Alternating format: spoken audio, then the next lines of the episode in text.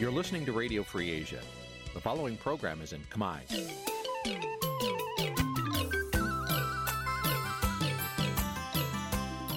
Nǐ chi càm bi tiệp xáy vệt chiu a zì sê ray នេះជាកម្មវិធីផ្សាយរបស់ Vithu Azisaray ជាភាសាខ្មែរ វត្តឈូអាស៊ីសេរីសូមស្វាគមន៍លោកអ្នកនាងទាំងអស់ពីរដ្ឋធានី Washington នៃសហរដ្ឋអាមេរិក ចាប់ពីរដ្ឋធានី Washington នាងខ្ញុំម៉ៅសុធានីសូមជម្រាបសួរលោកអ្នកស្ដាប់ទាំងអស់ជាទីមេត្រីចាយើងខ្ញុំសូមជូនការផ្សាយសម្រាប់ព្រឹកថ្ងៃអាទិត្យ7រោចខែអាសត់ឆ្នាំថោះបញ្ញស័កពុទ្ធសករាជ2567ហើយដល់ត្រូវនឹងថ្ងៃទី5ខែវិច្ឆិកាគ្រិស្តសករាជ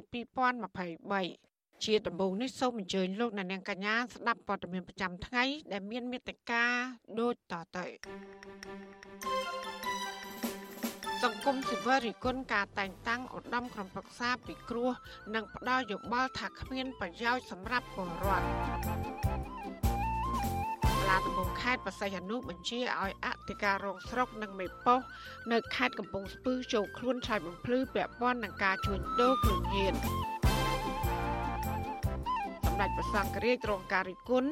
រឿងតែងតាំងលោកទ្រីភិបធ្វើជាទីប្រឹក្សាសង្គមស៊ីវិលបារម្ភពីការបោកបញ្ឆោតស្ត្រីខ្មែរយកទៅកេងប្រវ័ញ្ចកម្លាំងពលកម្មនិងជួញដូរផ្លូវភេទនៅប្រទេសចិន រួមនឹងព័ត៌មាន សំខាន់សំខាន់មួយចំនួនទៀតចាត់ជាបន្តទៅទៀតនេះនាងខ្ញុំម៉ៅសុធានីសូមជូនព័ត៌មានទាំងនោះពឺស្ដាប់ ចាលោកនានីជាទីមេត្រីមន្ត្រីបពប្រឆាំងនិងសង្គមស៊ីវិលរិះគន់ការតែងតាំងឧត្តមក្រុមប្រឹក្សាពិគ្រោះនិងផ្ដាល់យោបល់ថាគ្មានប្រយោជន៍សម្រាប់ប្រជាពលរដ្ឋនោះឡើយប្រតិកម្មនេះធ្វើឡើងនៅបន្ទាប់ពីរដ្ឋាភិបាល បានតែងតាំងនិងផ្ដាល់តួនាទីដល់សមាជិកនៃឧត្តមក្រុមប្រឹក្សាពិគ្រោះនិងផ្ដាល់យោបល់មកពីគណៈបករណបនិងបកកណ្ដាលអំណាចចំនួនជិត200នាក់សម្រាប់នេតការទី7 ចាលោកច័ន្ទដារ៉ូរាយការណ៍ព័ត៌មាននេះ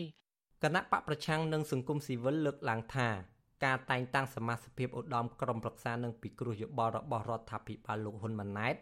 នឹងមិនជួយដោះស្រាយបញ្ហារបស់ប្រជាពលរដ្ឋនិងរឿងអយុត្តិធម៌ក្នុងសង្គមបាននោះទេ បញ្ហានេះ បានคล้ายទៅជាវប្បធម៌យកធនធានជាតិទៅចែកគ្នារស់ដើម្បីការពារអំណាចរបស់គណៈបកប្រជាជនកម្ពុជា មន្ត្រីគណៈបកភ្លើងទៀនកំពុងភៀសខ្លួននៅប្រទេសថៃលោកលីមេងខៀងលើកឡើងថា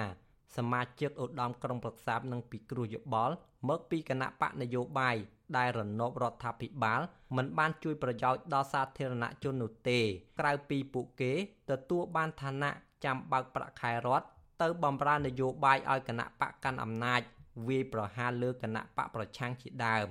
ក្រមប្រឹក្សាពីក្រមប្រយោបល់គ្មានបានជួយអីបន្តិចដល់ជាបរដ្ឋឲ្យជួយតែបំផ្លាញជាបរដ្ឋថែមការដំឡើងថ្លៃអីវ៉ាន់ការដំឡើងពន្ធនានាហ្នឹងដើម្បីយកលុយហ្នឹងមកបំផ្លាញទៅលើ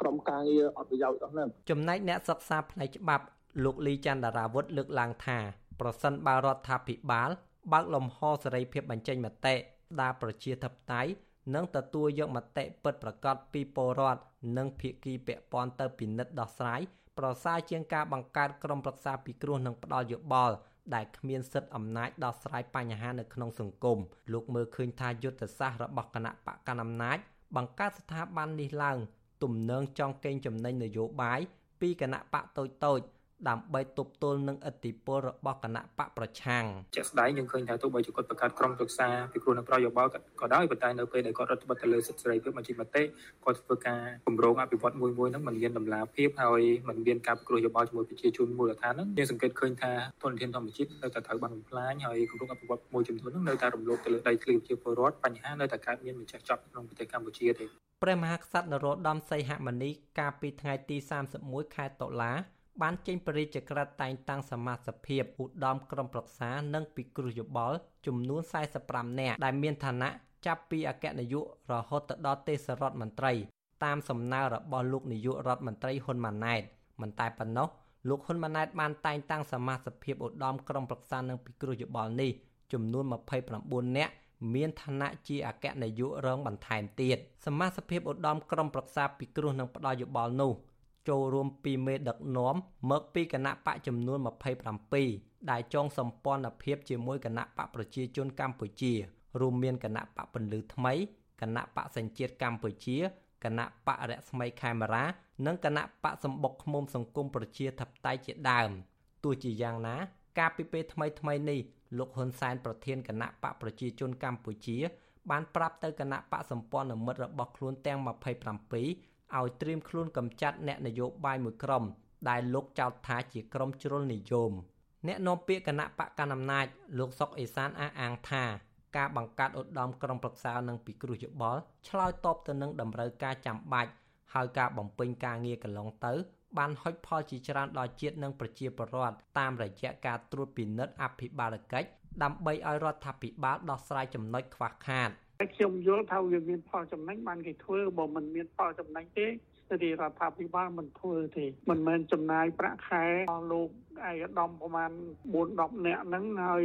មិនទទួលបានផលអាហ្នឹងគេមិនធ្វើទេឧត្តមក្រមសាពិគ្រោះនឹងផ្ដល់យោបល់នេះគឺធ្វើទូទៅគ្រប់រាល់សកម្មភាពរបស់បណ្ដាស្ថាប័នក្រសួងនានាមិនចំពោះតែក្រសួងណាមួយទេមើលទៅធ្វើឲ្យវាត្រឹមត្រូវទៅតាមទូនាទីភារកិច្ចដែលបានកំណត់ជុំវិញរឿងនេះប្រធានមជ្ឈមណ្ឌលប្រជាពលរដ្ឋដើម្បីអភិវឌ្ឍនិងសន្តិភាពលោកយងកំឯងមានប្រសាសន៍ថា ការផ្ដល់ទូនាទីដល់សមាជិកឧត្តមក្រុមប្រឹក្សានិងពិគ្រោះយោបល់ដើម្បីកាត់បន្ថយសម្លេងប្រឆាំងនិងលើកទឹកចិត្តដល់គណៈបកនយោបាយដើម្បីកាត់បន្ថយសម្លេងរិះគន់លើរដ្ឋាភិបាលគឺមិនចាំបាច់តាំងពីដំបូងពីព្រោះស្ថាប័នជាតិមានយន្តការនិងធនធានមនុស្សច្រើនលើសលប់គ្រាន់តែត្រូវការឆន្ទៈដោះស្រាយបញ្ហាជាតិ និងប្រជាពលរដ្ឋតែប៉ុណ្ណោះក្រមប្រសាក្រមផ្ដាល់យោបល់ហ្នឹងបានប្រក្រោះផ្ដាល់យោបល់បានជាប្រយោជន៍ស្អីខ្លះឲ្យរដ្ឋាភិបាលបានយកយោបល់គាត់ទៅអនុវត្តយ៉ាងម៉េចខ្លះបានអានឹងជារឿងមួយសំខាន់បើសិនជាអត់បានឃើញមានគោលនយោបាយណាមួយដែលត្រូវបានយកទៅអនុវត្តទៅលើកឡើងទៅធ្វើដោយរដ្ឋាភិបាលទេបាទ ចឹងទេมันគួរនឹងចាំបាច់មានក្រមវិសាវិគ្រោះផ្ដាល់យោបល់នឹងផងបាទខ្ញុំឃើញមានការតិចកន្លងមកពីពន្ធបញ្ហាគោលនយោបាយគ្រឿងសង្វឹងចាបាទមិនទាំងនយោបាយពីគាត់ទៅអនុវត្តផងបាទឧត្តមក្រុមប្រឹក្សាពិគ្រោះនឹងផ្ដាល់យោបល់បង្កើតឡើងដោយលោកហ៊ុនសែននៅក្នុងអាណត្តិទី6បន្ទាប់ពីលោករំលាយគណៈបកសង្គ្រោះជាតិ ហើយក្តោបក្តាប់យកអាសនៈទាំងអស់នៅក្នុងរដ្ឋសភាអានោះស្ថាប័ននេះមានគណៈបកចំនួន16និងមានសមាជិកចំនួន64នាក់ខណៈអាណត្តិទី7ក្រោមការដឹកនាំរបស់លោកហ៊ុនម៉ាណែតមានគណៈបកចំនួន27និងមានសមាជិកជិត200នាក់ខ្ញុំបាទច័ន្ទដារោវិទ្យុអាស៊ីសេរី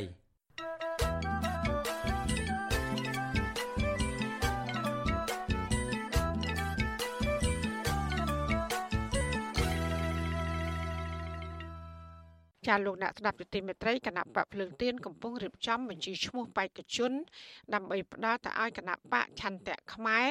ដែលជាគណៈបកសម្ព័ន្ធមិត្តរបស់ខ្លួន សម្រាប់ចូលរួមការបោះឆ្នោតអសកលនៅឆ្នាំ2024ខាងមុខ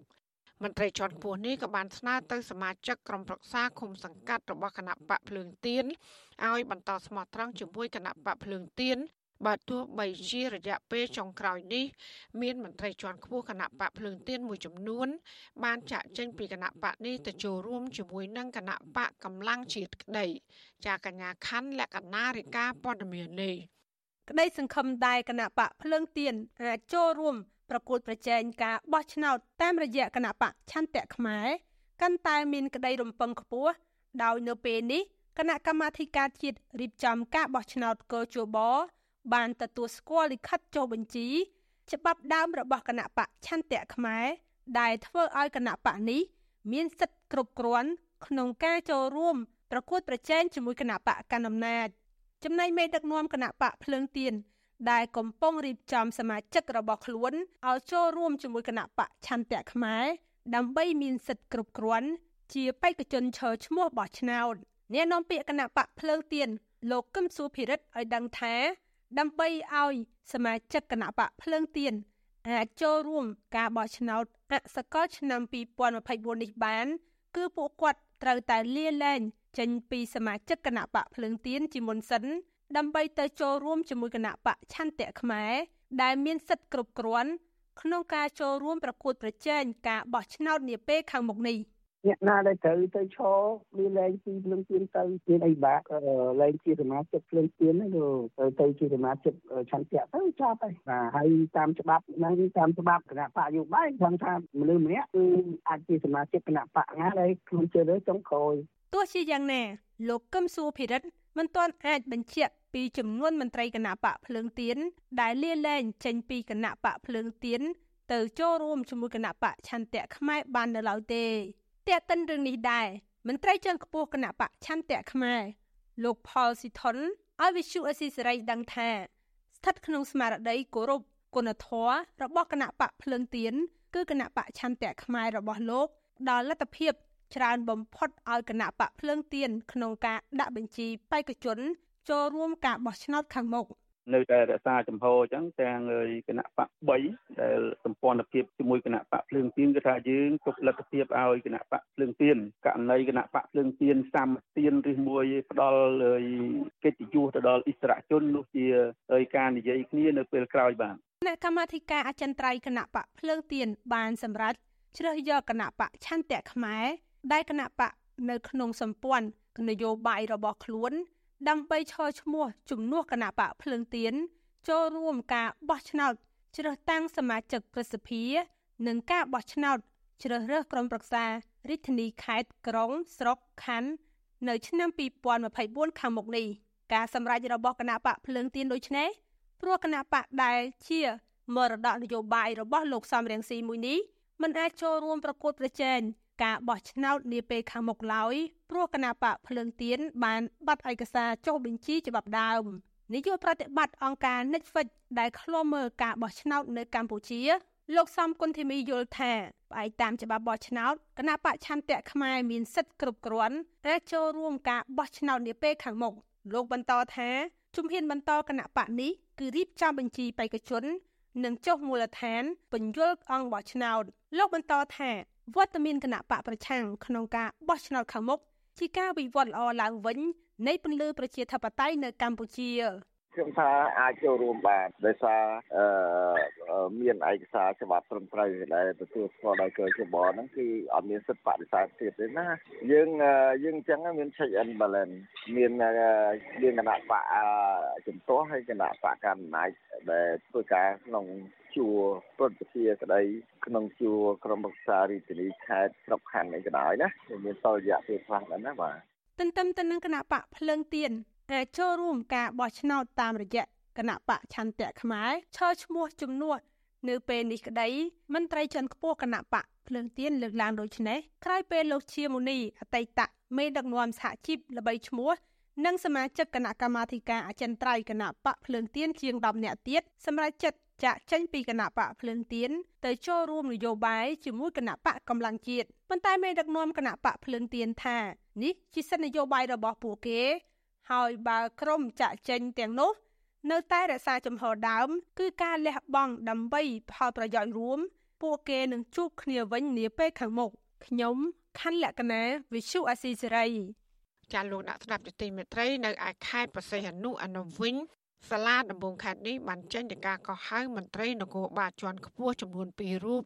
នៅក្នុងខេត្តកំពង់ស្ពឺឲ្យចូលខ្លួនឆ្លើយបំភ្លឺជាប់ពាក់ព័ន្ធនឹងការជួញដូរគ្រឿងញៀនជាមួយជនជាប់ចោតឈ្មោះសសារ៉ាតមន្ត្រីសង្គមស៊ីវិលជំរុញឲ្យតុលាការខេត្តបរសៃហនុអនុវត្តច្បាប់ឲ្យបានតឹងរឹងចំពោះករណីនេះចាប់ពីរដ្ឋធានី Washington លោកយ៉ងច័ន្ទតារារាយការណ៍ព័ត៌មាននេះស្ថាប័នអัยការអមសាលាដំបងខេត្តប្រសិទ្ធនុ បានកោះហៅមេប៉ុស្តិ៍ត្រែងត្រយឹងលោកសែមវុធីនិងអធិការរងនគរបាលស្រុកភ្នំស្រួចលោកផែនប្រុសឲ្យចូលខ្លួនបំភ្លឺនៅតុលាការនៅថ្ងៃទី8ខែវិច្ឆិកាខាងមុខពាក់ព័ន្ធទៅនឹងការសង្ស័យរឿងជួញដូរគ្រឿងញៀននេះបើតាមដីការបស់តុលាការដែលវិទ្យុអាស៊ីសេរីទើបទទួលបាននៅថ្ងៃទី4ខែវិច្ឆិកា មន្ត្រីកងរាជអាវុធហត្ថលើផ្ទៃប្រទេសបានរកឃើញថាលោកសែមវុធីនិងលោកផែនប្រុសមានជាប់ពាក់ព័ន្ធទៅនឹងការជួញដូរគ្រឿងញៀនជាមួយនឹងជនជាប់ចោតឈ្មោះសសារ៉ាត់ដែលត្រូវជាបងថ្លៃរបស់លោកផែនប្រុសដោយសារតែអ្នកទាំងពីរបានផ្ដល់ព័ត៌មានទៅក្រុមឈ្មួញនៅពេលមន្ត្រីជំនាញចុះបង្ក្រាបបទល្មើសគ្រឿងញៀនដែលប្រព្រឹត្តទៅនៅឃុំអូបាក់រតេសស្រុកកំពង់សេឡាខេត្តព្រះសីហនុវិទ្យុអាស៊ីសេរីមិនអាចតាក់ទងแนะនាំពាក្យសាលាដំបងខេត្តព្រះសីហនុលោកថុចបញ្ចសន្តិភាព ដើម្បីសុំការអធិប្បាយបន្ថែមបានទេ នៅថ្ងៃទី4ខែវិច្ឆិកាជុំវិញរឿងនេះមន្ត្រីសម្របសម្រួលសមាគមអាត60ប្រចាំខេត្តប្រសេះហនុលោកស្រីជាបសុធារីប្រាប់វិទ្យុអាស៊ីសេរីនៅថ្ងៃទី4វិច្ឆិកាថាវាជាចំណុចវិជ្ជមានមួយដែលតុលាការខេត្តប្រសេះហនុមានវិធានការទៅលើមន្ត្រីនគរបាលសាធារណៈដែលជាប់ពាក់ព័ន្ធទៅនឹងករណីគ្រឿងញៀនពីព្រោះកន្លងទៅបាត់ល្មើសគ្រឿងញៀននៅក្នុងខេត្តប្រសេះហនុបានធ្វើឲ្យប្រជាពលរដ្ឋមានការព្រួយបារម្ភជាខ្លាំង លោកស្រីសាទរចំពោះវិធានការនេះនិងលើកទឹកចិត្តឲ្យមន្ត្រីរដ្ឋាភិបាលស្វែងរកអ្នកពាក់ព័ន្ធបន្ថែមទៀតដោយសារតែខេត្តប្រសេះហនុគឺជាកន្លែងប្រមូលផ្ដុំទៅដោយក្រុមមុខរិជននិងជាកន្លែងលាក់ទុកនិងស្តុកទុកនៅសារធាតុញៀនជាច្រើនប្រភេទ ខ្ញុំនិងប្រជាប្រដ្ឋផ្សេងទៀតហ្នឹងក៏នៅតែទទូចដែរថាគ្រឿងញៀនវាមិនអាចចូលមកប្រទេសកម្ពុជាយើង បានដោយងាយងាយទេបើសិនជាគ្មានការខົບខិតនិងការជួយជ្រោមជ្រែងពីមនុស្សមួយចំនួនដែលមានអំណាចឬក៏មានឥទ្ធិពល តាមច្រកចេញចូល ទាំងផ្លូវគោកផ្លូវទឹកផ្លូវអាកាសអីគឺស្ថិតនៅក្រោមការត្រួតពិនិត្យរបស់សមត្ថកិច្ចយ៉ាងតឹងរឹងជាទីបំផុតកាលពីថ្ងៃទី26ខែតុលាកន្លងទៅ កងរាជអាវុធហត្ថខេត្តព្រះសីហនុបានឃាត់ខ្លួនមន្ត្រីកងរាជអាវុធហត្ថខេត្តកំពង់ស្ពឺចំនួន6នាក់ពាក់ព័ន្ធទៅនឹងការទទួលផលពីអំពើជួញដូរគ្រឿងញៀនម្ដងរួចមកហើយនៅក្នុងចំណោមមន្ត្រីកងរាជអាវុធហត្ថទាំង6នាក់នេះក៏មានមេបញ្ជាការរងកងរាជអាវុធហត្ថខេត្តកំពង់ស្ពឺលោកទឹកវណ្ណៈនិងមេបញ្ជាការមូលដ្ឋានកងរាជអាវុធហត្ថស្រុកភ្នំស្រួចលោកយុសឌីណាផងដែរអ្នកសិក្សាផ្នែកច្បាប់លោកវ៉ាន់ចាន់ឡូតយល់ឃើញថាអាញាធរពពន់ ត្រូវតែហ៊ានចាត់វិធានការច្បាប់ទៅលើក្រុមអង្គការនិងមន្ត្រីមានអំណាចនៅក្នុងជួររដ្ឋាភិបាលពីព្រោះបញ្ហាជួញដូរគ្រឿងញៀនកើតឡើងសុទ្ធសឹងតែជាប់ពាក់ព័ន្ធជាមួយនឹងមនុស្សទាំងនោះលោកបន្ថែមថារដ្ឋាភិបាលត្រូវមានយន្តការឲ្យបានច្បាស់លាស់ក្នុងការលុបបំបាត់ការជួញដូរគ្រឿងញៀននិងការបោះសម្អាតអ្នកប្រើប្រាស់គ្រឿងញៀនតាមភូមិឃុំរួមទាំងតាមគ្រឹះស្ថានអប់រំផងដែរ។ ថាបើគួរតែដាច់ណាស់ទោះបីជាអ្នកនឹងជាអ្នកណាក៏ដោយឲ្យតែជាប់ពាក់ព័ន្ធទៅនឹងប្រកម្មគ្រឿងយន្តនេះគឺត្រូវតែយកច្បាប់មកអនុវត្តទី1ទី2រដ្ឋាភិបាលគឺត្រូវធានាថាជារដ្ឋាភិបាលមួយស្អាតស្អំរដ្ឋាភិបាលមួយសុចរិតហើយរដ្ឋាភិបាលមួយដែលតម្លាភាពអាហ្នឹងទៅអាចធានាបានអំពីឆន្ទៈឬក៏ការបញ្ញាចិត្តនៅក្នុងការបោះសម្អាតនឹងបានជោគជ័យ ក្រោយពីរដ្ឋមន្ត្រីក្រសួងមហាផ្ទៃលោកសសុខាបានដាក់ចេញវិធានការបង្ក្រាបចែកចាយនិងការប្រើប្រាស់គ្រឿងញៀននៅតាមពន្ធនាគារទូទាំងប្រទេសរួចមកស្នងការនគរបាលខេត្តព្រៃវែងបានរកឃើញមន្ត្រីនគរបាលជាង10នាក់ដែលមានជាប់ពាក់ព័ន្ធទៅនឹងការប្រើប្រាស់គ្រឿងញៀននេះផងដែរកាលពីខែកញ្ញាកន្លងទៅអាជ្ញាធរជាតិប្រយុទ្ធប្រឆាំងគ្រឿងញៀនបានបង្ហាញរបាយការណ៍ថានៅក្នុងរយៈពេល8ខែឆ្នាំ2023 កម្លាំងសមត្ថកិច្ចបង្ក្រាបករណីជួញដូរនិងប្រើប្រាស់គ្រឿងញៀននៅទូទាំងប្រទេសបានជាង5000ករណីនិងឃាត់ខ្លួនជនសង្ស័យបានជាង12000នាក់នៅក្នុងនោះសមត្ថកិច្ចបានដកហូតគ្រឿងញៀនជាង2600គីឡូក្រាមនិងកញ្ឆាស្ងួតជិត50គីឡូក្រាមហើយសារធាតុគីមីមានជាង800គីឡូក្រាមខ្ញុំយ៉ងច័ន្ទដារាវិទ្យុអេស៊ីសេរី Washington ចាលោកនាងកញ្ញាកំពុងស្ដាប់ការផ្សាយរបស់វិទ្យុអសីស្រីផ្សាយចេញពីរដ្ឋធានី Washington អង្គការសិទ្ធិមនុស្សក្រៅរដ្ឋាភិបាលក៏សម្គាល់ថារយៈពេល10ឆ្នាំចុងក្រោយនេះអង្គើបោកបញ្ឆោតមនុស្សនិងស្ត្រីពីប្រទេសកម្ពុជា យកទៅជួញដូរផ្លូវភេទនិងកេងប្រវ័ញ្ចកម្លាំងពលកម្មនៅឯប្រទេសចិនកំពុងកើនឡើងគួរឲ្យព្រួយបារម្ភ ពួកគាត់មើលឃើញថាការកើនឡើងនេះដោយសារតែមន្ត្រីពុករលួយមួយចំនួន មានជាប់ពាក់ព័ន្ធនឹងសកម្មភាពនេះហើយប្រព័ន្ធតឡាការក៏មានវិធានការយឺតយ៉ាវក្នុងការចាប់ជនល្មើសជាដើមចាសសេចក្តីរាយការណ៍ពិស្ដារជំវិញរឿងនេះលោកដានៀងនឹងបានស្ដាប់នាពេលបន្តិចទៀតនេះចាលោកដានៀងកញ្ញាជាទីមេត្រីដំណើរគ្នានឹងស្ដាប់ការផ្សាយរបស់វិទ្យុអសីស្រី តាមបណ្ដាញសង្គម Facebook YouTube និង Telegram លោកអ្នកនាងក៏អាចស្ដាប់ការផ្សាយរបស់យើងតាមរយៈរលក ធាតុអាកាសខ្លីឬ Shortwave តាមកម្រិតនិងកម្ពស់ដូចតទៅចាប់ពីព្រឹកចាប់ពីម៉ោង5កន្លះដល់ម៉ោង6កន្លះតាមរយៈប៉ុស SW 93.90 MHz ស្មើនឹងកម្ពស់ 32m និងប៉ុស SW 11.85 MHz ស្មើនឹងកម្ពស់ 25m ចាសម្រាប់ពេលយប់វិញ គឺចាប់ពីម៉ោង7កន្លះដល់ម៉ោង8កន្លះគឺតាមរយៈប៉ុស SW 93.30 MHz ស្មើនឹងកម្ពស់ 32m ប៉ុស SW 11.88 MHz ស្មើនឹងកម្ពស់ 25m និងប៉ុស SW 15.15 MHz ស្មើនឹងកម្ពស់ 20m ចាសសូមអរគុណ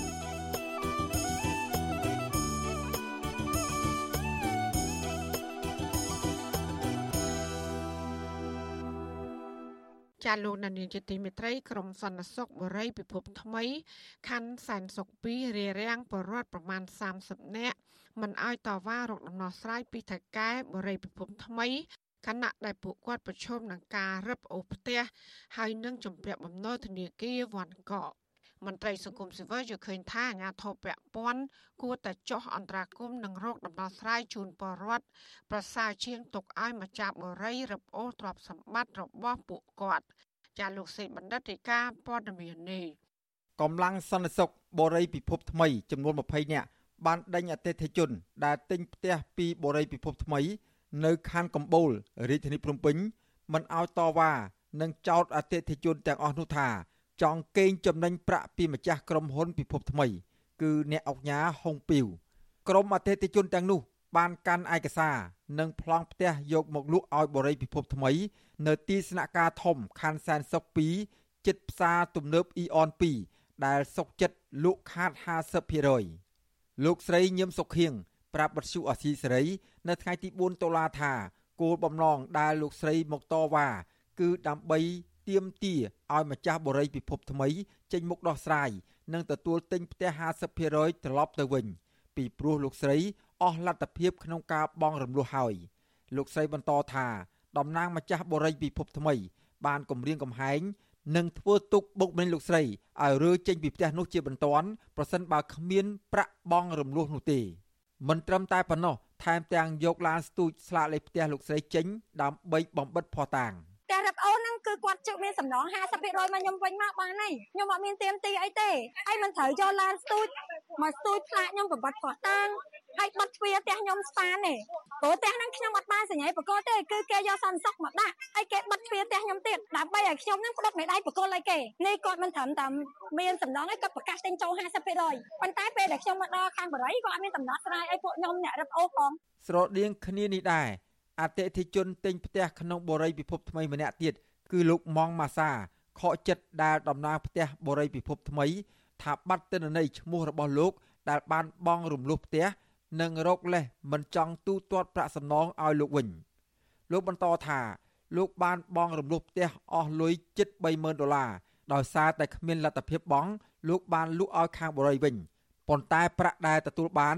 ត្រឹមតែជាង3000ដុល្លារប៉ុណ្ណោះដែលខុសនឹងលក្ខខណ្ឌទទួលទិញ50% ការទៀមទារបស់អតិថិជន បូរីពិភពថ្មី នៅកម្ពុជា3ចាប់ផ្ដើមឡើង កាលពីថ្ងៃទី18ខែតុលា បន្ទាប់ពីពួកគាត់លែងមានលទ្ធភាពបង់រំលោះផ្ទះដោយសារបញ្ហាជីវភាពខ្វះខាតខណៈពួកគាត់មួយចំនួនកំពុងប្រឈមនឹងការរឹបអូសផ្ទះទៅវិញរីឯមួយចំនួនទៀតត្រូវបានបរិយរឹបអូសយកផ្ទះជាស្ថាពរហើយពលរដ្ឋដែលបានទិញផ្ទះពីបរិយពិភពថ្មី មានតម្លៃចន្លោះពីជាង50000ដុល្លារ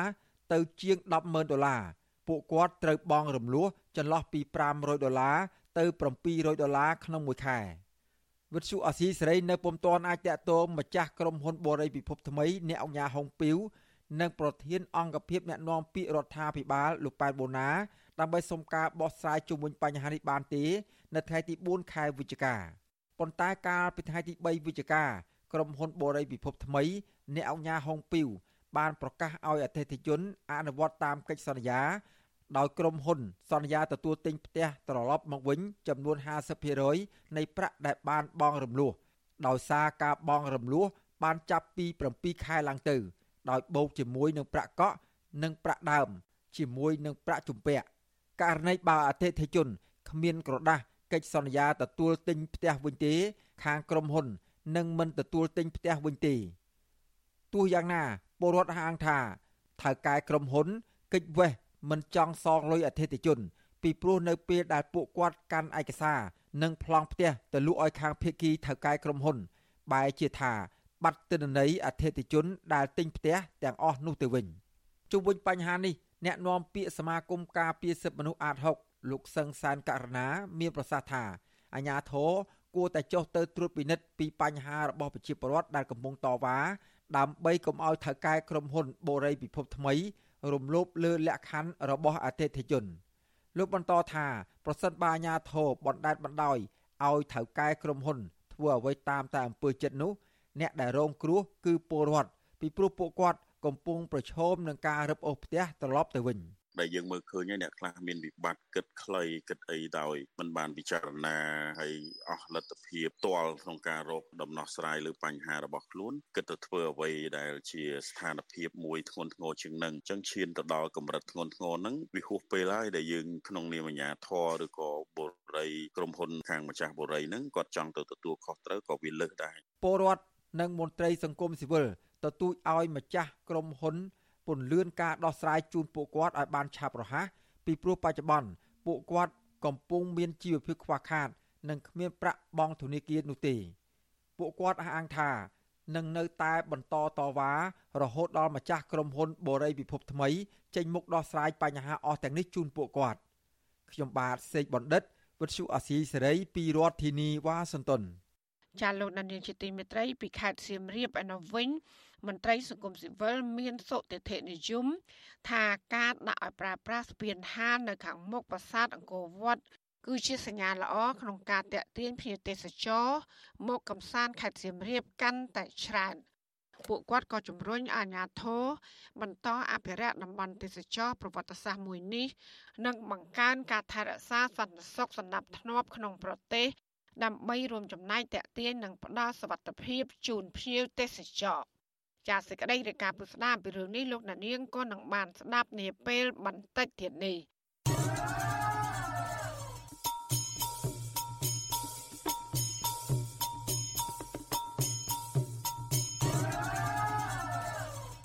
លោកអ្នកស្ដាប់ទទីមេត្រីអ្នកខ្លំមើលធនធានធម្មជាតិ និងសហគមន៍ការពារប្រៃឈើរីគុណសម្ដេចប្រសង្ឃរាជដែលបានតែងតាំងលោកត្រីភិបឲ្យធ្វើជាឧត្តមទីប្រឹក្សាគណៈអង្គការរូបនេះមានកេរ្តិ៍ឈ្មោះល្បីរឿងរកស៊ីបំផ្លាញធនធានធម្មជាតិជាកញ្ញាខណ្ឌលក្ខណៈមានសេចក្តីរាយការណ៍ដាច់ដライមួយទៀតជំវិញព័ត៌មាននេះក្រុមអ្នកការពារធនធានធម្មជាតិរិះគន់ចំចំថាសម្ដេចសង្ឃមិនគួរយកអ្នកបំផ្លាញទ្រព្យសម្បត្តិជាតិធ្វើជាទីប្រឹក្សាផ្ទាល់នោះទេ ខណៈកន្លងទៅ ទាំងអង្គការជាតិនិងអន្តរជាតិរកឃើញថាលោកត្រីភិបជាមេអ ுக ្រិតជន បំផ្លាញធនធានធម្មជាតិនៅកម្ពុជា ការរិះគន់នេះធ្វើឡើង បន្ទាប់ពីសម្ដេចសង្ឃនាយកពីរអង្គគឺសម្ដេចសង្ឃរាជទេពវង្សនិងសម្ដេចសង្ឃអ៊ុំលឹមហេង ដែលបានប្រកាសតែងតាំងលោកត្រីភិបនិងភរិយារបស់លោក ធ្វើជាទីប្រឹក្សាផ្ទាល់ របស់សម្ដេចសង្ឃទាំងពីរអង្គនេះបើតាមព្រះរាជប្រកាស កាលពីថ្ងៃទី24ខែតុលាកន្លងទៅថ្មីថ្មីនេះ អ្នកស្រាវជ្រាវនិងឃ្លាំមើលធនធានធម្មជាតិនៅកម្ពុជា លោកសេងសុកហេងប្រាប់វិទ្យុអស៊ីសេរី នៅថ្ងៃទី3ខែវិច្ឆិកាថា លោកត្រីភិបគឺជាមេឈ្មួញល្បីល្បាញខាងបំផ្លាញធនធានធម្មជាតិជាពិសេសការកាប់បំផ្លាញព្រៃឈើ និងការយកទៅលក់នៅក្រៅប្រទេស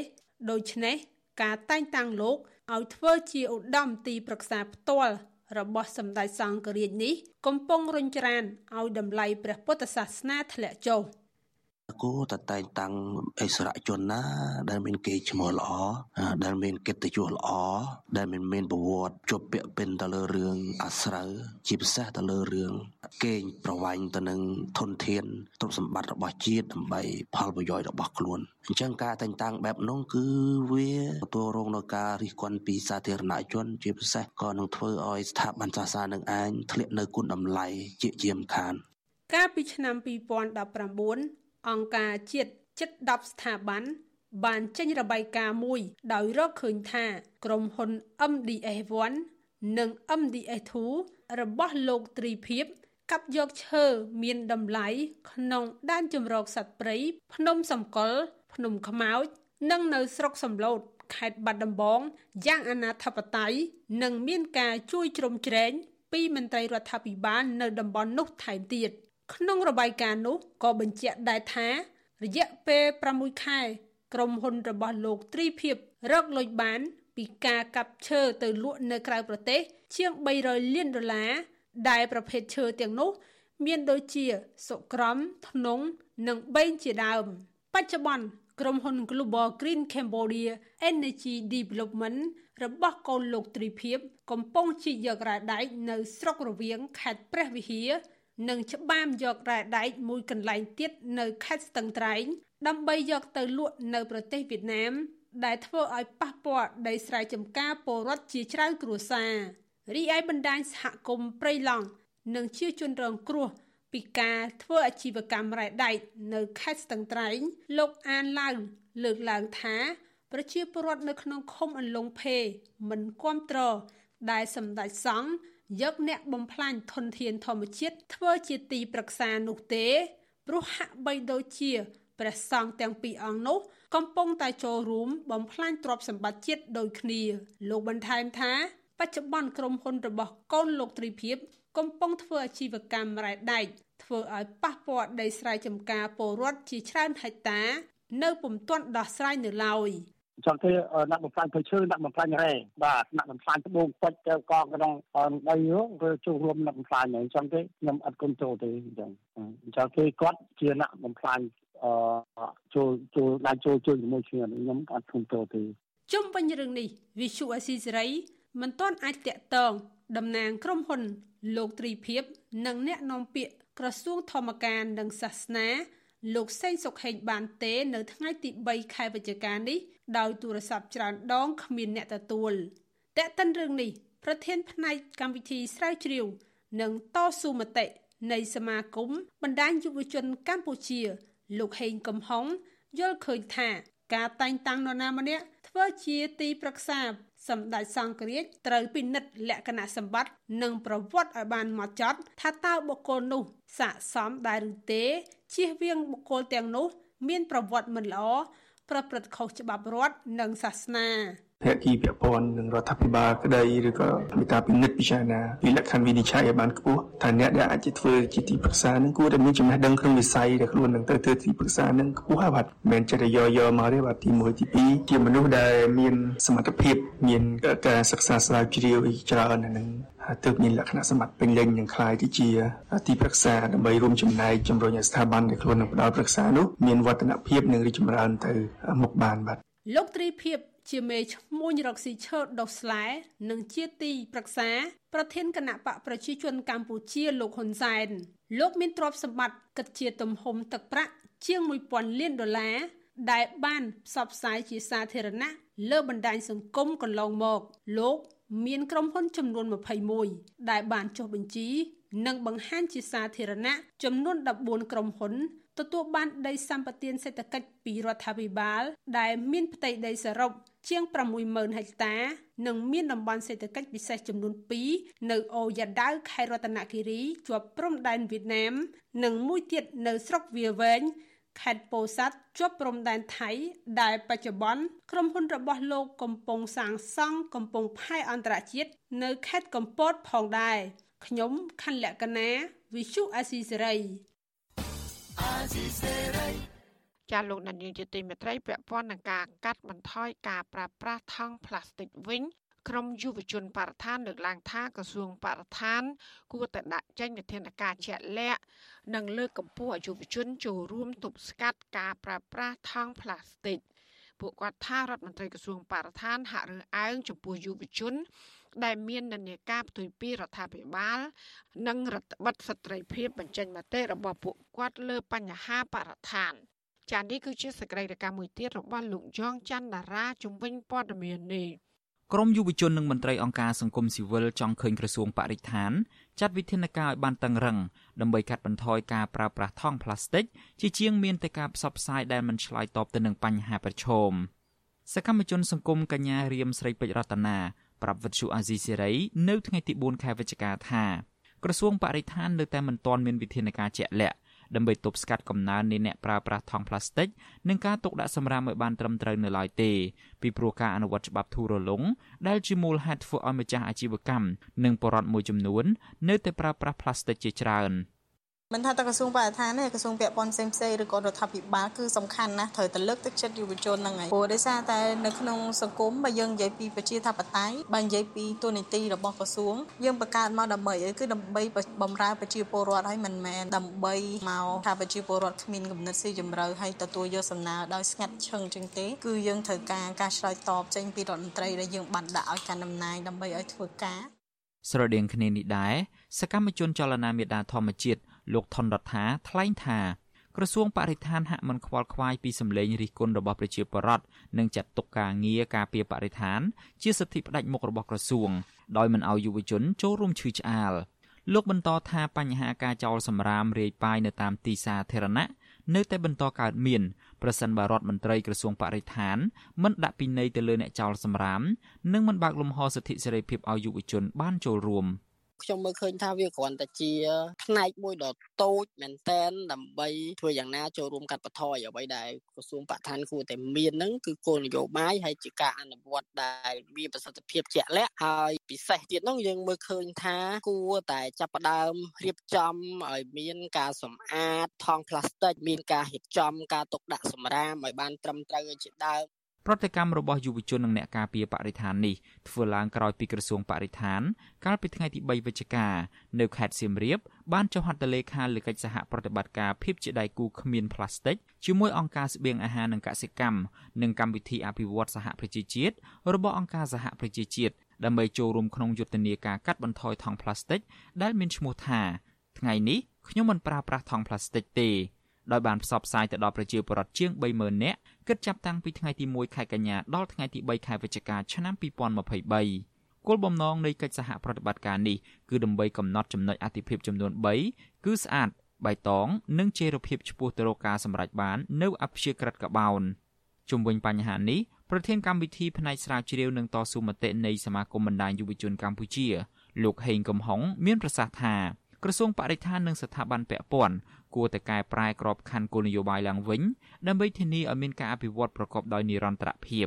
លោកបន្តថាសង្គមប្រជាធិបតេយ្យគួរតែបើកឱកាសឲ្យយុវជនចូលរួមបញ្ចេញមតិអំពីបញ្ហាបរិស្ថាន។ អ្នកដែលចូលរួមជំរុញចលនានេះឲ្យមានប្រសិទ្ធភាពគឺប្រជាប្រដ្ឋគឺជាកត្តាប្រកបទៅដោយបរិយាបន្នយ៉ាងសំខាន់ដែលគួរតែត្រូវបានជំរុញហើយនឹងលើកទឹកចិត្តឲ្យមានការអនុវត្តសម្រាប់ទាំងអស់គ្នាបាទហើយពលរដ្ឋនឹងសំខាន់ណាគាត់បើសិនជាគាត់ជាអ្នកអនុវត្តគោលនយោបាយផងគាត់ជាអ្នកលើកស្ទួយការគ្រប់គ្រងនិងការកាត់បន្ថយការប្រើប្រាស់ផ្លាស្ទិកផងហើយក៏ជាអ្នកដែលចូលរួមអប់រំផ្សព្វផ្សាយទៀតនោះវារឹតតែធ្វើឲ្យកម្មភាពនេះកាន់តែលឿនរហ័សបាទ កាលពីថ្ងៃទី31ខែតុលាអាជ្ញាធរខណ្ឌដូនពេញបានរារាំងយុវជនមួយក្រុមដែលយកញត្តិទៅដាក់នៅក្រសួងបរិស្ថានដើម្បីស្នើឲ្យរដ្ឋាភិបាលដំឡើងពន្ធទៅលើការនាំចូលថង់ប្លាស្ទិកចន្លោះពី10%ទៅ15%និងស្នើឲ្យដំឡើងតម្លៃថង់នៅតាមផ្សារទំនើបចំនួន800រៀលក្នុងមួយថង់ដើម្បីទប់ស្កាត់ការប្រើប្រាស់ថង់ប្លាស្ទិក មន្ត្រីក្រសួងបរិស្ថានបានទទួលយកញត្តិរបស់ក្រមយុវជនក៏ប៉ុន្តែមកដល់ពេលនេះមិនទាន់មានការឆ្លើយតបណាមួយនៅឡើយទេក្រមយុវជននិងមន្ត្រីអង្គការសង្គមស៊ីវិលព្រួយបារម្ភថាការអនុវត្តច្បាប់ធូររលុងនឹងធ្វើឲ្យបញ្ហាចោលសម្រាមគ្មានសណ្ដាប់ធ្នាប់នៅតែបន្តកើតមានដែលនឹងជះឥទ្ធិពលដល់សុខភាពមនុស្សសត្វជីវៈចម្រុះនិងបញ្ហាខ្យល់ពុលជាដើម ជាពិសេសអាចធ្វើឲ្យបាត់បង់ភ្ញៀវទេសចរមកកំសាន្តនៅកម្ពុជា ខ្ញុំយ៉ងច័ន្ទដារាវិទ្យុអាស៊ីសេរី Washington ចាលោកនានីជាទីមេត្រីអង្គការសិទ្ធិមនុស្សក្រៅរដ្ឋាភិបាលក៏សម្គាល់ថារយៈពេល10ឆ្នាំចុងក្រោយនេះអង្គើបោកបញ្ឆោតមនុស្សនិងស្ត្រីពីប្រទេសកម្ពុជា យកទៅជួញដូរផ្លូវភេទនិងកេងប្រវ័ញ្ចកម្លាំងពលកម្មនៅឯប្រទេសចិនកំពុងកើនឡើងគួរឲ្យព្រួយបារម្ភពួកគាត់មើលឃើញថាការកើនឡើងនេះ គឺដោយសារតែមន្ត្រីពុករលួយមួយចំនួន មានជាប់ពាក់ព័ន្ធនឹងសកម្មភាពនេះហើយប្រព័ន្ធតុលាការក៏មានវិធានការយឺតយ៉ាវក្នុងការចាប់ជនល្មើសជាដើមចាលោកថាថៃមានសេចក្តីរាយការណ៍ពឹស្ដាជំវិញរឿងនេះដូចតទៅក្រុមអង្គការសង្គមស៊ីវិលមួយចំនួនកំពុងតែខិតខំជួយសង្គ្រោះជនរងគ្រោះដោយសារអំពើជួញដូរកម្លាំងពលកម្មនិងជួញដូរផ្លូវភេទពីប្រទេសចិនឲ្យត្រឡប់មកមាតុភូមិវិញព្រមទាំងធ្វើយុទ្ធនាការតាមមូលដ្ឋាន ដើម្បីផ្សព្វផ្សាយកុំឲ្យប្រជាពលរដ្ឋចាញ់បោកមេខ្យល់ហើយធ្វើចំណាក់ស្រុកចេញទៅរកការងារធ្វើនៅក្រៅប្រទេសដោយប្រថុយប្រថានការប្រឹងប្រែងរបស់អង្គការសិទ្ធិមនុស្សនេះខណៈដែលបច្ចុប្បន្នអំពើបោកបញ្ឆោតមនុស្សពីកម្ពុជាយកទៅជួញដូរកម្លាំងពលកម្មនិងជួញដូរផ្លូវភេទនៅឯប្រទេសចិនកំពុងកើនឡើងនាយកប្រតិបត្តិអង្គការសង្ត្រាល់លោកមឿនដុល្លារមានប្រសាសន៍ថាក្នុងរយៈពេលជាង10ឆ្នាំចុងក្រោយនេះ ក្រុមជនខិលខូចដែលដើរបោកបញ្ឆោតមនុស្សនិងស្ត្រីពីកម្ពុជា យកទៅជួញដូរកម្លាំងពលកម្មនិងរៀបការជាមួយបរិសុទ្ធចិន កំពុងកើតមានយ៉ាងខ្លាំងមិនថយចុះនោះទេលោកមឿនដុល្លារឲ្យដឹងទៀតថាក្នុងរយៈពេលជាង10ឆ្នាំមកហើយដែលអង្គការរបស់លោកតែងតែជួយសង្គ្រោះពលរដ្ឋខ្មែរនិងស្ត្រីពីប្រទេសចិនឲ្យត្រឡប់មកស្រុកវិញ ដោយយ៉ាងហោចណាស់ក៏ចំនួនពី7ទៅ10នាក់ដែរក្នុងមួយឆ្នាំមួយឆ្នាំ បច្ចុប្បន្ននេះ មានជនខិលខូចខ្លះតែងតែដើរទៅតាមតំបន់ដាច់ស្រយាលតាមបណ្ដាខេត្តមួយចំនួនហើយបោកបញ្ឆោតមនុស្សដែលពេញកម្លាំងឲ្យទៅធ្វើការព្រមទាំងស្ត្រីក្មេងៗមានរូបសម្រស់ស្អាតថាទៅធ្វើការនៅប្រទេសចិនគឺបានប្រាក់ខែថ្លៃពី2000ទៅ3000ដុល្លារក្នុងមួយខែហើយស្របពេលដែលមនុស្សជាច្រើនកំពុងតែមានជីវភាពខ្វះខាត ចង់បានការងារធ្វើផងនោះក៏ត្រូវមេខ្យល់ធ្វើលិខិតឆ្លងដែននិងទឹកតការតាមរូបភាពជាអ្នកទេសចរទៅដើរកំសាន្តនៅប្រទេសចិន ក៏ប៉ុន្តែពេលទៅដល់ប្រទេសចិន គេក៏ដកលិខិតឆ្លងដែនរបស់គាត់ហើយខ្លះលក់ទៅឲ្យធ្វើការដោយមិនមានប្រាក់ខែនិងស្ត្រីខ្លះទៀតត្រូវគេបង្ខំឲ្យរៀបការជាមួយបរិសុទ្ធចិន ដែលភ ieck ច្រើនគឺជាមនុស្សមិនសូវគ្រប់លក្ខណៈដើម្បីបង្កើតកូនឲ្យគេព្រមទាំងបង្ខំឲ្យបម្រើគ្រួសាររបស់គេនិងធ្វើការងារដោយមិនគិតថ្លៃ បើតាមជនរងគ្រោះគាត់លើកឡើងថាមានស្ត្រីខ្មែរនឹងច្រើនមានបរិសុទ្ធខ្មែរខ្លះដែរប៉ុន្តែភាគច្រើនគឺស្ត្រីហើយនៅខេត្តកងជើហ្នឹងក៏ច្រើនជាងគេដែរបើសិនជាស្ត្រីយកស្ត្រីហ្នឹងគឺទៅឲ្យរៀបការជាមួយនឹងជនជាតិចិនហ្នឹងដោយបង្ខំហើយហើយនៅស្រុកចិននេះកន្លងមកគឺមានគោលនយោបាយកូនតែមួយណាអញ្ចឹងទៅចិនវាមានអធិបរណានៃចំនួនបរិសុទ្ធច្រើនជាងស្ត្រីដល់ពេលអញ្ចឹងបរិសុទ្ធចិនហ្នឹងពិបាករកប្រពន្ធណាដោយសារស្រីតិចជាងតែដូច្នេះហើយបានជាជាពិសេសអ្នកដែលអត់មានកាយសម្បទាសុពលហ្នឹងប្រឹងរកប្រពន្ធពីប្រទេសផ្សេងៗយកស្ត្រីពីភូមាពីកម្ពុជាពីវៀតណាមពីឡាវអញ្ចឹងណាបាទលោកមឿនដុល្លារបញ្ជាក់ថាភ ieck ច្រើនមេខ្យល់តែងតែនាំកម្លាំងពលកម្មនិងស្ត្រីយកទៅជួញដូរនៅប្រទេសចិននោះតាមជើងយន្តហោះនិងផ្លូវគោកតាមច្រករបៀងព្រំដែនឆ្លងកាត់ប្រទេសវៀតណាមជនរងគ្រោះជាស្ត្រីវ័យក្មេងម្នាក់ឈ្មោះអោសុជីអាយុប្រហែល17ឆ្នាំ នៅឃុំប៉ាលហាលនៃស្រុកត្បែងមានជ័យខេត្តព្រះវិហាររៀបរាប់ថានាងបានចាញ់បោកមេខ្យល់តាំងពីឆ្នាំ2021ជនរងគ្រោះរូបនេះក៏បានថ្លែងប្រាប់បន្ថែមទៀតអំពីការធ្វើទុកបុកម្នេញលើរូបនាងនៅឯប្រទេសចិនតាមបណ្ដាញសង្គមដោយទទូចឲ្យរដ្ឋាភិបាលខ្មែរជួយរំដោះរូបនាងបានវិលត្រឡប់មកស្រុកកំណើតជួបជុំក្រុមគ្រួសារឡើងវិញ ខ្ញុំចាញ់បោកមេខ្យល់យកមកលួននៅប្រទេសចិនហើយគេវាយដំខ្ញុំផ្ទះខ្ញុំតាត់ខ្ញុំគុំខាំងខ្ញុំនៅក្នុងបន្ទប់ហើយលួចខ្ញុំពីម្នាក់ទៅម្នាក់ហើយមានតែលើកមករៀមដៃ10ទេឲ្យបងប្អូនអ្នកខ្មែរជួយយកខ្ញុំទៅផ្ទះផងឲ្យជួយ share គ្នាឲ្យអ្នកធំអ្នកតូចបានឃើញខ្ញុំខ្ញុំពិបាកណាស់ហើយខ្ញុំចង់ទៅផ្ទះខ្ញុំវិញខ្ញុំអត់ចង់នៅចិនទេខ្ញុំខ្លាចគេវាយធ្វើបាបខ្ញុំទៀតប៉ុន្តែគូឲ្យសោកស្ដាយ អង្គការសិទ្ធិមនុស្សនិងអង្គការសង្គមស៊ីវិលជាច្រើនមិនអាចតាមរកនាងអោសុជីឃើញឡើយដោយសារតែក្រុមគ្រួសាររបស់នាងមិនសហការព្រមទាំងផ្លាស់ប្ដូរទីលំនៅចេញបាត់ពីភូមិដែលធ្លាប់រស់នៅមន្ត្រីសមាគមការពារសិទ្ធិមនុស្សអាត6ទទួលបន្ទុកការងារស្ត្រីនិងកុមារប្រចាំខេត្តព្រះវិហារអ្នកស្រីហូម៉ាបូនីមានប្រសាសន៍ថាសមាគមអាត6បានព្យាយាមខ្នះខ្នែងជួយក្មេងស្រីអោសុជីនេះក៏ប៉ុន្តែម្ដាយរបស់នាងដែលជាប់ចោតវិបត្តិលក់កូនស្រីរបស់ខ្លួននោះ មិនព្រមសហការជាមួយក្រុមអង្គការក្រៅរដ្ឋាភិបាលដើម្បីផ្ដល់ព័ត៌មានអំពីកន្លែងដែលកូនរបស់គាត់ស្នាក់នៅក្នុងប្រទេសចិនទេអត់តាមបានមកដល់ទេកូនហ្នឹងហើយណាមួយយើងព្យាយាមជួបម្ដាយដើម្បីឲ្យអត់ហុកជួយយ៉ាងម៉េចតែមកក្រុមគ្រួសារហ្នឹងយើងព្យាយាមទៅតាមរកក្រុមគ្រួសារតែគឺគាត់ក៏ផ្លាស់ទីនៅហ្នឹងទៅណាអ្នកខ្លះថាគាត់ផ្លាស់ដូរទៅនៅភ្នំពេញទៅអីចឹងណាអញ្ចឹងករណីហ្នឹងអត់ហុកអត់បានធ្វើអីគាត់ហើយណាមួយករណីរឿងហ្នឹងគាត់មេខ្យល់ហ្នឹងក៏ជាប់ពន្ធនាគារអីរួចអស់ហើយ ជនរងគ្រោះជាស្ត្រីខ្មែរម្នាក់ទៀតសុំមិនបញ្ចេញឈ្មោះរស់នៅស្រុករវៀងខេត្តព្រះវិហារដែលទើបតែជួយសង្គ្រោះឲ្យត្រឡប់មកពីប្រទេសចិនវិញនាងបានប្រាប់វិទ្យុអាស៊ីសេរីថាមេខ្យល់បានបោកបញ្ឆោតរូបនាងយកទៅស្រុកចិនតាំងពីចុងឆ្នាំ2015មេខ្យល់បានឲ្យប្រាក់ទៅម្ដាយរបស់នាងចំនួន1000ដុល្លារអាមេរិកហើយប្រាប់ថានាំរូបនាងទៅធ្វើការនៅប្រទេសចិនបានប្រាក់ខែច្រើន បន្ទាប់មកមេខ្យល់នាំរូបនាងឆ្លងដែនតាមប្រទេសវៀតណាមហើយស្នាក់នៅក្នុងប្រទេសវៀតណាមប្រហែលជាកន្លះខែពេលស្នាក់នៅក្នុងប្រទេសវៀតណាមនោះនាងបានដឹងថាគេមិនមែននាំរូបនាងទៅធ្វើការនៅប្រទេសចិនទេគឺយករូបនាងទៅលក់ឲ្យរៀបការជាមួយបរិសុទ្ធចិនម្នាក់ដែលជាប្រភេទមនុស្សមិនសូវគ្រប់ទឹកស្ត្រីដដែលបញ្ជាក់ទៀតថាបើទោះបីជានាងដឹងថាបរិសុទ្ធដែលនាងត្រូវរៀបការជាមួយគឺជាមនុស្សដែលមិនគ្រប់លក្ខណៈក៏ដោយ ក៏រូបនាងមិនអាចប្រកែកបានទេពីព្រោះខ្លាចគេធ្វើបាបនាងមិនដឹងថាមេខ្យល់ដែលនាំនាងទៅនោះគេទទួលបានប្រាក់ចំនួនប៉ុន្មានពីបរិសុទ្ធចិននោះទេក៏ប៉ុន្តែនាងដឹងត្រឹមតែថាម្ដាយរបស់នាងទទួលបានប្រាក់តែ1000ដុល្លារគត់មុនពេលគេនាំរូបនាងចេញពីផ្ទះ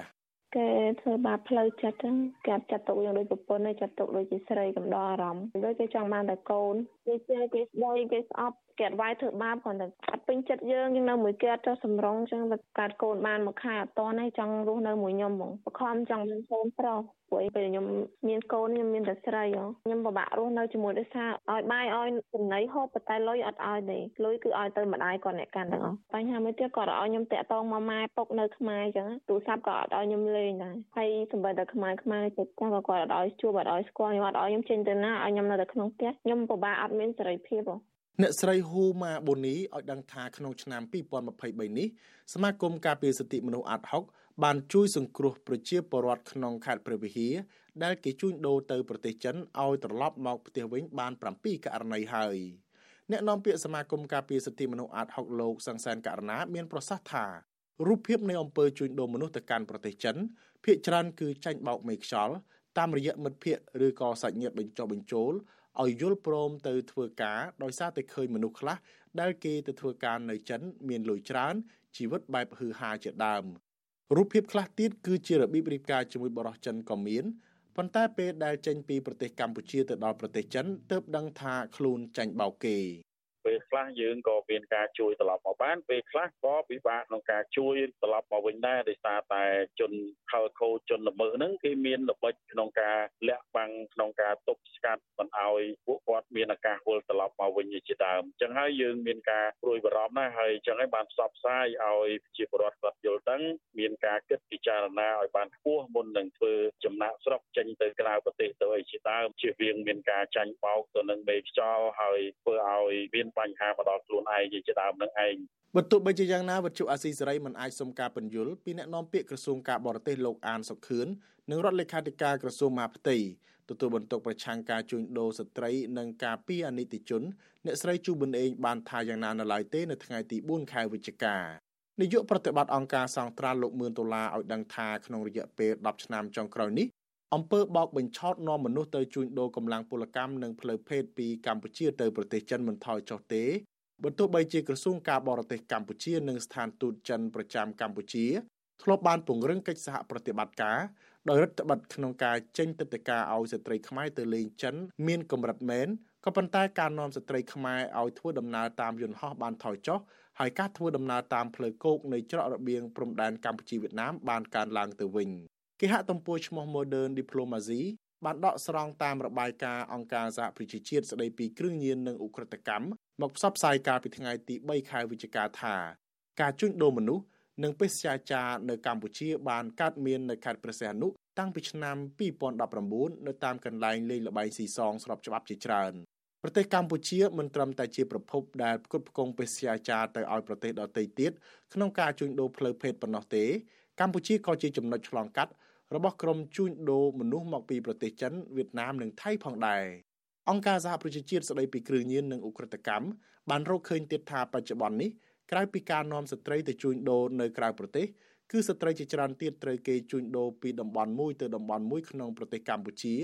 ដូចជាខេត្តសៀមរាបក្រុងព្រះសីហនុនិងរាជធានីភ្នំពេញក្នុងតម្លៃខ្លួនដែលបរិះបរទេសហ៊ានចំណាយប្រាក់ពី800ទៅ4000ដុល្លារដើម្បីរួមភេទ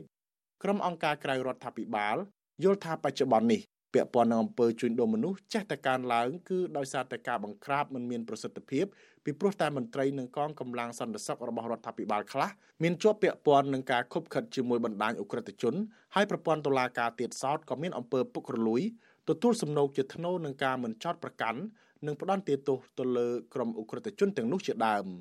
ខ្ញុំថាថៃពីទីក្រុងមែលប៊ន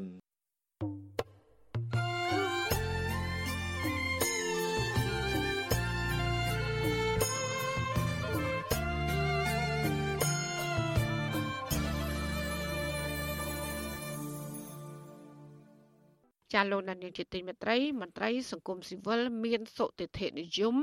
ថាការដាក់ឲ្យប្រើប្រាស់ស្ពានហាននៅមុខប្រាសាទអង្គរវត្តគឺជាសញ្ញាល្អមួយក្នុងការតេទៀងភ្ញៀវទេសចរមកកំសាន្តនៅក្នុងខេត្តសៀមរាបកាន់តែច្រើនពួកគាត់ក៏ជំរុញអាជ្ញាធរបន្តអភិរក្សតំបន់ទេសចរប្រវត្តិសាស្ត្រមួយនេះ និងបង្កើនការថែរក្សាសន្តិសុខសណ្ដាប់ធ្នាប់ក្នុងប្រទេសដើម្បីរួមចំណែកតេទៀងនិងផ្ដល់សុវត្ថិភាពជូនភ្ញៀវទេសចរមន្ត្រីសង្គមស៊ីវិលសាទរចំពោះការដាក់ឲ្យដំណើរការឡើងវិញ នៅស្ពានហាលខាងលិចប្រាសាទអង្គរវត្តដែលជាផ្នែកមួយនៃការបង្កើនសម្រស់ប្រាសាទបន្ទាប់ពីបានបិទអរយៈពេលជាង7ឆ្នាំដើម្បីជួសជុល ប្រធានមជ្ឈមណ្ឌលប្រជាប្រដ្ឋដើម្បីអភិវឌ្ឍនិងសន្តិភាពលោកយងកំឯងប្រាប់វជ្ជស៊ីស្រីថាការផ្អាកស្ពានហាលអរយៈពេលជាង7ឆ្នាំមកនេះបានធ្វើឲ្យភ្ញៀវទេសចរជាពិសេសភ្ញៀវអន្តរជាតិមួយចំនួនខកចិត្តដែលមិនបានផ្តិតយករូបភាពពីជ្រុងមួយនៃប្រាសាទអង្គរវត្ត លោកបន្តថាស្ពានហាលខាងលិចប្រាសាទអង្គរវត្តគឺជាប្លង់អំណោយផលដល់ការថតរូបដែលបង្ហាញឲ្យឃើញពីសម្រស់ប្រាសាទអង្គរវត្តកាន់តែលេចធ្លោនិងស្រស់ស្អាតលោកមានជំនឿថាការបើកដំណើរការស្ពាននេះឡើងវិញនឹងតេទៀងភ្ញៀវទេសចរមកលេងតំបន់រមណីយដ្ឋានប្រវត្តិសាស្ត្រនេះកាន់តែច្រើន។ ប៉ុន្តែទោះជាយ៉ាងណាក៏ដោយការចាប់អារម្មណ៍វាជារឿងមួយប៉ុន្តែរឿងដែលសំខាន់គឺកម្ពុជាត្រូវតែធានាឲ្យបាននូវសន្តិសុខសុវត្ថិភាពហើយក៏លុបបំបាត់ឲ្យបានរាល់បញ្ហាដែលមានការលើកឡើងកន្លងឡមកដូចជាពាក់ព័ន្ធជាមួយនឹងការឆោបបកតាមអនឡាញអំពើជួញដូរមនុស្សអីជាដើមចឹងរឿងអស់ហ្នឹងត្រូវតែលុបបំបាត់ឲ្យបានហ្នឹងប្រហែលជាលែងឲ្យមានការព្រួយបារម្ភការភ័យខ្លាចពីអ្នកទេសចរក្នុងការមកទស្សនាប្រទេសកម្ពុជាបាទពៀនហាលខាងលិចប្រាសាទអង្គរវត្តត្រូវបានដាក់ឲ្យដំណើរការឡើងវិញនៅព្រឹកថ្ងៃទី4ខែវិច្ឆិកាក្រោមព្រះរាជវត្តមានរបស់ព្រះមហាក្សត្រព្រះបាទសម្ដេចព្រះបរមនាថនរោត្តមសីហមុនីពៀននេះបានបិទកាលពីឆ្នាំ2016ដើម្បីជួសជុលឡើងវិញក្រោមកិច្ចសហការរវាងអាជ្ញាធរជាតិអប្សរា និងសាកលវិទ្យាល័យ Sofia នៃប្រទេសជប៉ុន ដោយក្នុងនោះប្រទេសជប៉ុនបានចូលរួមចំណែកយ៉ាងសំខាន់ក្នុងការផ្តល់ជំនួយហិរញ្ញវត្ថុនិងជំនាញបច្ចេកទេសដើម្បីជួសជុលស្ពានហាលនិងអភិរក្សតំបន់រមណីយដ្ឋានអង្គរជាពិសេសប្រាសាទបាយ័នដែលចំណាយប្រាក់អស់ជាង26លានដុល្លារព្រះកណាប្របាទសម្ដេចព្រះបរមនាថនរោត្តមសីហមុនី មានបរិយាបន្ទូលនៅក្នុងបរិយាពិធីនោះ ថាការដាក់ឲ្យសម្ពោធប្រើប្រាស់ស្ពានហាលឡើងវិញនាពេលនេះគឺជាព្រឹត្តិការណ៍ប្រវត្តិសាស្ត្រដែលជាស្នាដៃនិងជានិមិត្តរូបដ៏ខ្ពង់ខ្ពស់នៃមហាវីរក្សត្រសម័យអង្គរគឺព្រះបាទសូរ្យាវរ្ម័នទី2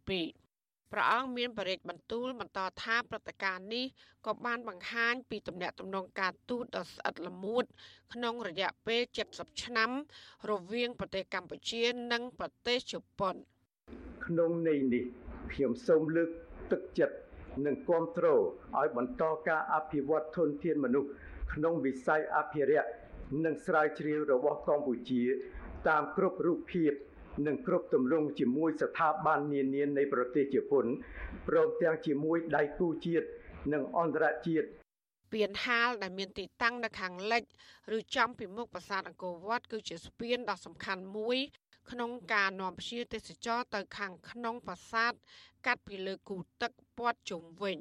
ទីតាំងនេះអំណោយផលដល់ការទស្សនានិងផ្តិតយករូបភាពដ៏ស្រស់ស្អាត របស់ប្រាង្គប្រាសាទអង្គរវត្តដែលនៅខាងក្នុងអមជាមួយនឹងកំពូល3ដែលនៅកំពែងខាងក្រៅប៉ុន្តែដោយសារតែកត្តាអាយុកាលបណ្ដាលឲ្យស្ពាននេះចាស់ទ្រុឌទ្រោមតម្រូវឲ្យមានការជួសជុលអភិរក្សឡើងវិញ ដោយអាជ្ញាធរអប្សរាបានដំឡើងស្ពានបណ្ដែតទឹកមួយនៅក្បែរនោះដើម្បីឲ្យភ្ញៀវធ្វើដំណើរជំនួសវិញការជួសជុលស្ពានហាលខាងលិចនៃប្រាសាទអង្គរវត្តត្រូវបានចាប់ផ្ដើមនិងបញ្ចប់សរុប19ឆ្នាំ ដែលចែកចេញជាពីរដំណាក់កាល ដំណាក់កាលទី1ប្រើពេល12ឆ្នាំ ហើយដំណាក់កាលទី2គឺប្រើពេល7ឆ្នាំ ដែលធ្វើឡើងដោយមានការអនុញ្ញាត ពីគណៈកម្មាធិការអន្តរជាតិសម្របសម្រួល កិច្ចគាំពៀរមណីយដ្ឋានប្រវត្តិសាស្ត្រអង្គរ ICC ដែលមានប្រទេសជប៉ុននិងប្រទេសបារាំងជាសហប្រធានរដ្ឋមន្ត្រីក្រសួងវប្បធម៌និងវិចិត្រសិល្បៈអ្នកស្រីភឿងសក្កណាឲ្យដឹងថាក្នុងដំណាក់កាលនៃការជួសជុលទាំងពីរលើកនេះថ្មភក់និងថ្មបាយក្រៀមជាច្រើនពាន់ដុំត្រូវបានរៀបចំឡើងវិញ ដោយប្រើថវិកាជាច្រើនខណៈថវិការបស់ប្រទេសជប៉ុនក៏បានកើនឡើងជាង100លានដុល្លារអ្នកស្រីបន្តថាបើទោះបីស្ពានហាលត្រូវបានបញ្ចប់ការជួសជុលក៏ប៉ុន្តែអាជ្ញាធរជាតិអប្សរានិងសាកលវិទ្យាល័យ Sofia កាលពីថ្ងៃទី3ខែវិច្ឆិកាឆ្នាំ2023បានចុះអនុសារណៈយោគយល់គ្នាចំនួន2បន្ថែមទៀតទៅលើគម្រោងថែទាំស្ពានហាលអង្គរវត្ត និងការបណ្ដុះបណ្ដាលធនធានមនុស្សសម្រាប់រយៈពេល5ឆ្នាំបន្តទៀតការសម្ពោធដាក់ឲ្យប្រើប្រាស់ស្ពានហាលអង្គរវត្តនាថ្ងៃនេះគឺជាទឹកតាំងប្រវត្តិសាស្ត្រថ្មីមួយទៀតនៃកិច្ចសហការរវាងប្រទេសទាំងពីរកម្ពុជាជប៉ុន ហើយស្ពានហាលអង្គរវត្តនឹងបើកដំណើរការឲ្យប្រើប្រាស់ឡើងវិញជាផ្លូវការចាប់ពីថ្ងៃទី4ខែវិច្ឆិកាឆ្នាំ2023នេះក្នុងនោះអាជ្ញាធរជាតិអប្សរានឹងបន្តរៀបចំការសម្រួលទិសដៅខ្សែទិសដៅទស្សនាសម្ដៅធ្វើយ៉ាងណាដើម្បីកាត់បន្ថយការកកស្ទះដើម្បីសម្រួលការបង្កើនបទពិសោធន៍ទស្សនាថ្មីជូនភ្ញៀវជាតិនិងអន្តរជាតិផងដែរ។ អ្នកនាំពាក្យអាជ្ញាធរជាតិអប្សរាលោកឡុងកុសលឲ្យដឹងតាមរយៈទំព័រ Facebook របស់ក្រសួងវប្បធម៌កាលពីថ្ងៃទី1ខែវិច្ឆិកាថាដោយការព្រួយបារម្ភអំពីភាពសក្តិរិះរបស់ថ្មទៅថ្ងៃអនាគតដោយសារកំណើនរបស់ភ្ញៀវធ្វើដំណើរឆ្លងកាត់នោះអាញាធរជាតិអប្សរានៅតែបន្តរក្សាទុកស្ពានបណ្ដែតទឹកឲ្យបន្តដំណើរការដដែលដោយកំណត់ទិសដៅធ្វើដំណើរផ្សេងគ្នា គឺស្ពានហាលនឹងអនុញ្ញាតឲ្យភ្ញៀវធ្វើដំណើរឆ្លងចូលទៅផ្ទះសនាប្រាសាទអង្គរវត្តហើយស្ពានបណ្ដែតទឹកសម្រាប់ភ្ញៀវចាក់ចេញពីទស្សនាប្រាសាទមកវិញស្ពានហាលខាងលិចប្រាសាទអង្គរវត្តមានប្រវែង190ម៉ែត្រទទឹងជាង11ម៉ែត្រនិងកម្ពស់ជាង4ម៉ែត្រត្រូវបានជួសជុលចំនួន5ដងរួចមកហើយរាប់ចាប់តាំងពីសតវត្សទី16ព្រះបរមរតនកោដ្ឋនរោត្តមសីហនុ ធ្លាប់បានអំពាវនាវឲ្យសហគមន៍អន្តរជាតិជាពិសេសអង្គការ UNESCO ជួយការពារនិងស្រោចស្រង់រមណីយដ្ឋានអង្គរជាបន្ទាន់ហើយដែលការនោះនាំឲ្យគណៈកម្មាធិការបេតិកភណ្ឌពិភពលោកនៃអង្គការ UNESCO សម្រាប់ចុះបញ្ជីរមណីយដ្ឋានអង្គរជាសម្បត្តិបេតិកភណ្ឌពិភពលោក នៅថ្ងៃទី14ខែធ្នូឆ្នាំ1992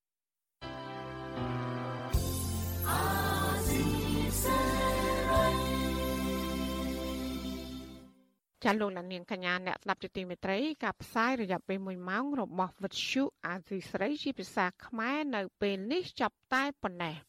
ចាយើងខ្ញុំទាំងអស់គ្នាសូមជូនពរលោកនាងនិងក្រុមគ្រួសារទាំងអស់សូមជួបប្រកបតែនឹងសេចក្តីសុខសេចក្តីចម្រើន ជានិរន្តរ៍ចានាងខ្ញុំម៉ៃសុធានីព្រមទាំងក្រុមការងារទាំងអស់របស់អាស៊ីស្រីសូមអរគុណនិងសូមជម្រាបលា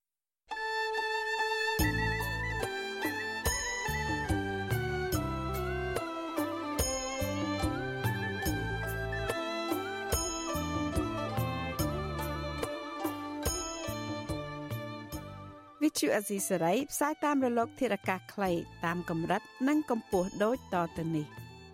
ពេលព្រឹកចាប់ពីម៉ោង5កន្លះដល់ម៉ោង6កន្លះតាមរយៈប៉ុស SW 93.90 MHz ស្មើនឹងកម្ពស់ 32m និងប៉ុស SW 11.85 MHz ស្មើនឹងកម្ពស់ 25m ពេលយប់ចាប់ពីម៉ោង7កន្លះដល់ម៉ោង8កន្លះតាមរយៈប៉ុស SW 93.30 MHz ស្មើនឹងកម្ពស់ 32m ប៉ុស SW 11.88 MHz ស្មើនឹងកម្ពស់ 25m និងប៉ុស SW 15.15 MHz ស្មើនឹងកម្ពស់ 20m លោកអ្នកនាងក៏អាចស្ដាប់និងទស្សនាការផ្សាយផ្ទាល់នៅលើគេហទំព័រ Visual Asia សេរីតាមរយៈអាសយដ្ឋាន rfa.org/ ខ្មែរក្រៅពីនេះលោកអ្នកនាងក៏អាចអាននិងទស្សនាព័ត៌មាន Visual Asia សេរីលើទូរស័ព្ទដៃរបស់លោកអ្នកនាងផ្ទាល់ សូមអញ្ជើញលោកអ្នកនាងដំឡើងកម្មវិធី Vithu Azizi សេរីនៅលើទូរស័ព្ទដៃរបស់លោកអ្នកនាងឬស្វែងរក Vithu Azizi សេរីនៅលើ YouTube ឬ Facebook ដោយស្វែងរកពាក្យថា Vithu Azizi សេរីឬ RFA ខ្មែរសូមលោកអ្នកនាងចុច like follow និងចុច subscribe ដើម្បីទទួលបានព័ត៌មានថ្មីៗតាមហេតុការណ៍និងទស្សនាវីដេអូផ្សេងៗទៀតបានគ្រប់ពេលវេលា យើងខ្ញុំសូមជូនពរដល់លោកអ្នកនាងព្រមទាំងក្រុមគ្រួសារទាំងអស់ឲ្យជួបប្រកបតែនឹងសេចក្តីសុខសេចក្តីចម្រើនរុងរឿងកុំបីឃ្លៀងឃ្លាតឡើយ thank you